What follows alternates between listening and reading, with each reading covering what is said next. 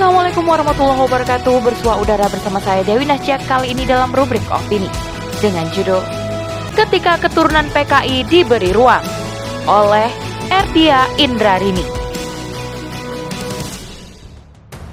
Memberikan panggung bagi orang-orang yang terkoneksi dengan komunisme Sama saja memberi bantuan atau mempermudah berkembang Dan menyebarnya paham komunisme di negeri ini. Selengkapnya, tetap di podcast Narasi Pos Media Narasi Pos, cerdas dalam literasi media, bijak menangkap peristiwa kunci. Bahaya laten, itulah PKI, yakni Partai Komunis Indonesia. Betapa bahayanya, sehingga harus ditumpas hingga ke akar-akarnya. Namun, kini pejabat cenderung longgar terhadap keberadaan komunisme di Indonesia. Mengapa? Panglima TNI Jenderal Andika Perkasa menyatakan bahwa keturunan Partai Komunis Indonesia atau PKI boleh mendaftar menjadi prajurit TNI. Pernyataan ini dilihat melalui akun YouTube pribadinya yang diunggah 30 Maret lalu. Ia menyebut tidak ada dasar hukum yang melarang keturunan PKI untuk mendaftar. Ia pun menyatakan bahwa TAP MPRS nomor 25 garing MPRS garing 1966 tidak bisa dijadikan dasar hukum larangan tersebut, karena yang dilarang adalah paham komunisme, bukan keturunannya.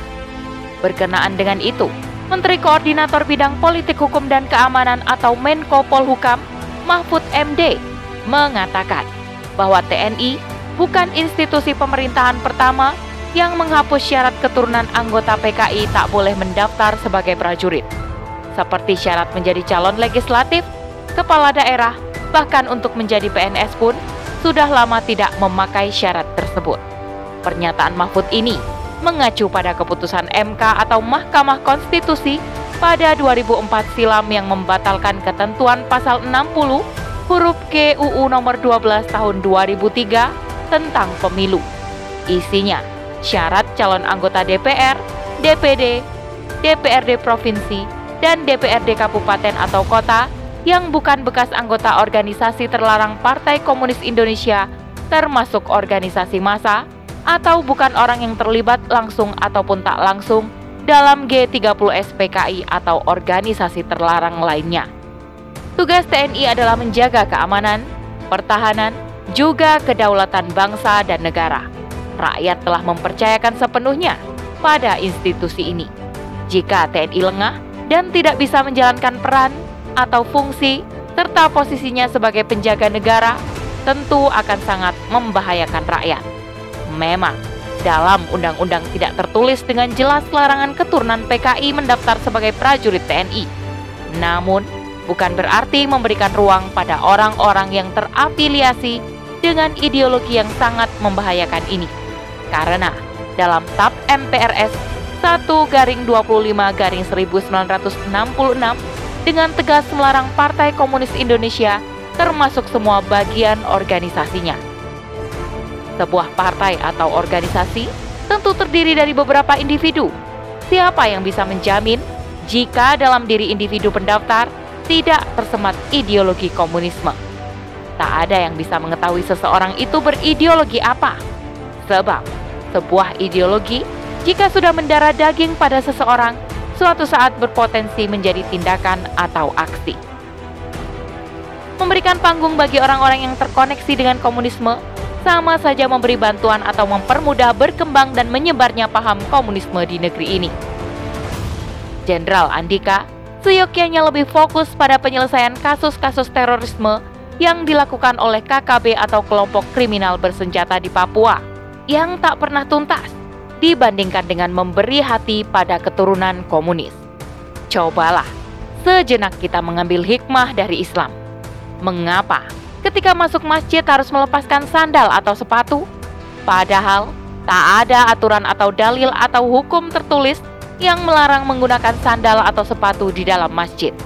Nah, itulah bentuk dari penjagaan, kewaspadaan, juga kehati-hatian. Seorang pemimpin haruslah peka dan cerdas dalam menyikapi sebuah hukum. Menutup celah resiko keburukan, terlebih yang membahayakan haruslah dilakukan. Tak bisa dimungkiri, kebiadaban para anggota PKI sangat menyayat hati.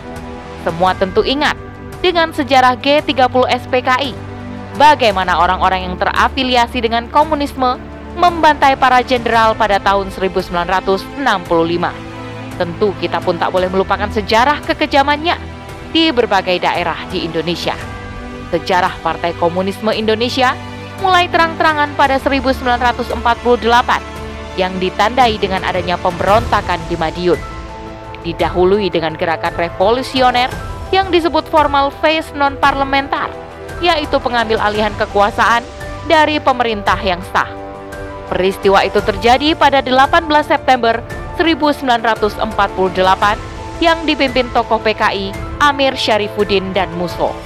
Usaha kudeta itu disertai pula penculikan dan penganiayaan, serta pembantaian sejumlah penduduk sipil, polisi, dan para ulama di Jawa Tengah dan Jawa Timur. Keberadaan sebuah ideologi akan mendarah daging dalam diri seseorang. Ideologi akan terpatri dalam pikirannya, juga akan dibawa hingga matinya. Ia akan mengembangkan pemahamannya, termasuk penganut ideologi komunisme ini. Pun, sebuah ideologi tak akan musnah selama masih ada yang mengemban. Semakin banyak pengembannya, maka semakin kuat kedudukannya. Oleh karenanya, betapa bahayanya jika orang-orang yang berhubungan dengan ideologi komunisme diberi ruang di negeri yang berketuhanan yang Maha Esa ini. Keberadaan ideologi komunisme di negeri ini merupakan bahaya laten bagi Indonesia. Artinya, bahayanya tersembunyi, bahkan bisa dalam waktu yang lama. Namun, ia bisa muncul secara tiba-tiba dan kapan saja.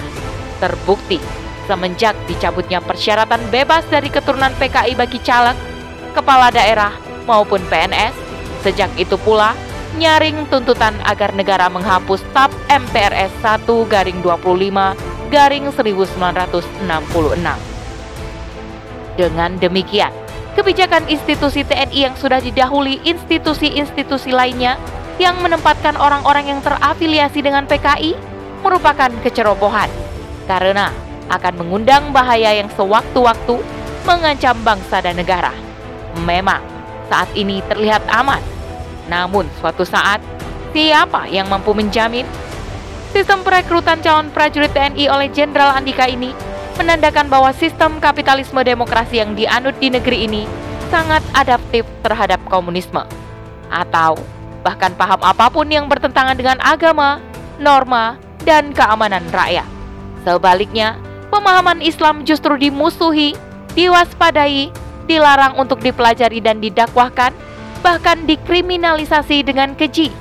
Ideologi yang ada saat ini sangat khawatir jika Islam diterapkan secara utuh di seluruh kehidupan, termasuk dalam pemerintahan.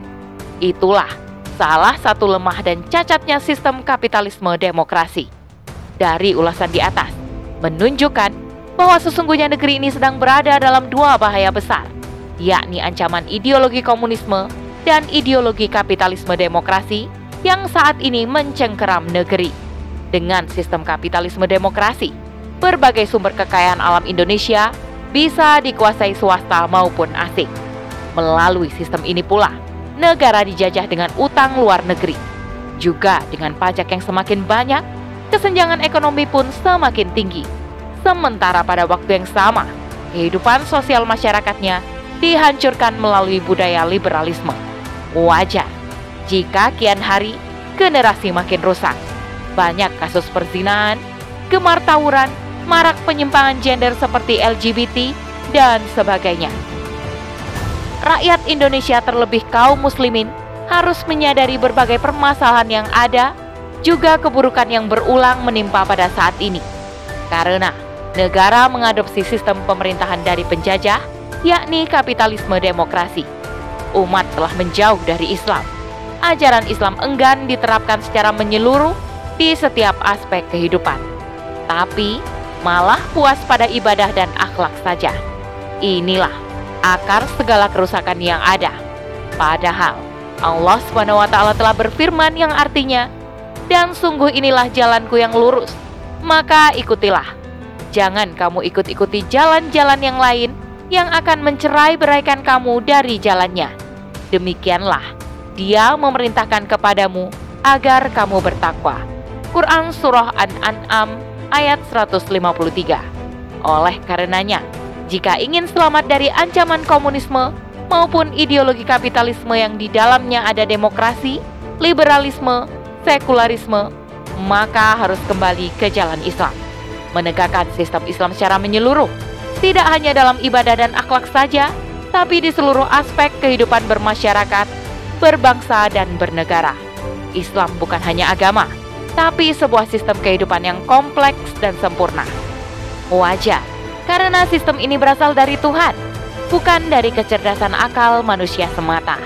Sistem Islam juga satu-satunya yang diridhoi Allah Subhanahu wa taala hingga akhir zaman. Masihkah ingin mempertahankan kebobrokan ideologi kapitalisme demokrasi? Wallahu a'lam bisawab. Demikian rubrik opini kali ini. Sampai bertemu di rubrik opini selanjutnya. Saya Dewi Nasjak undur diri. Assalamualaikum warahmatullahi wabarakatuh.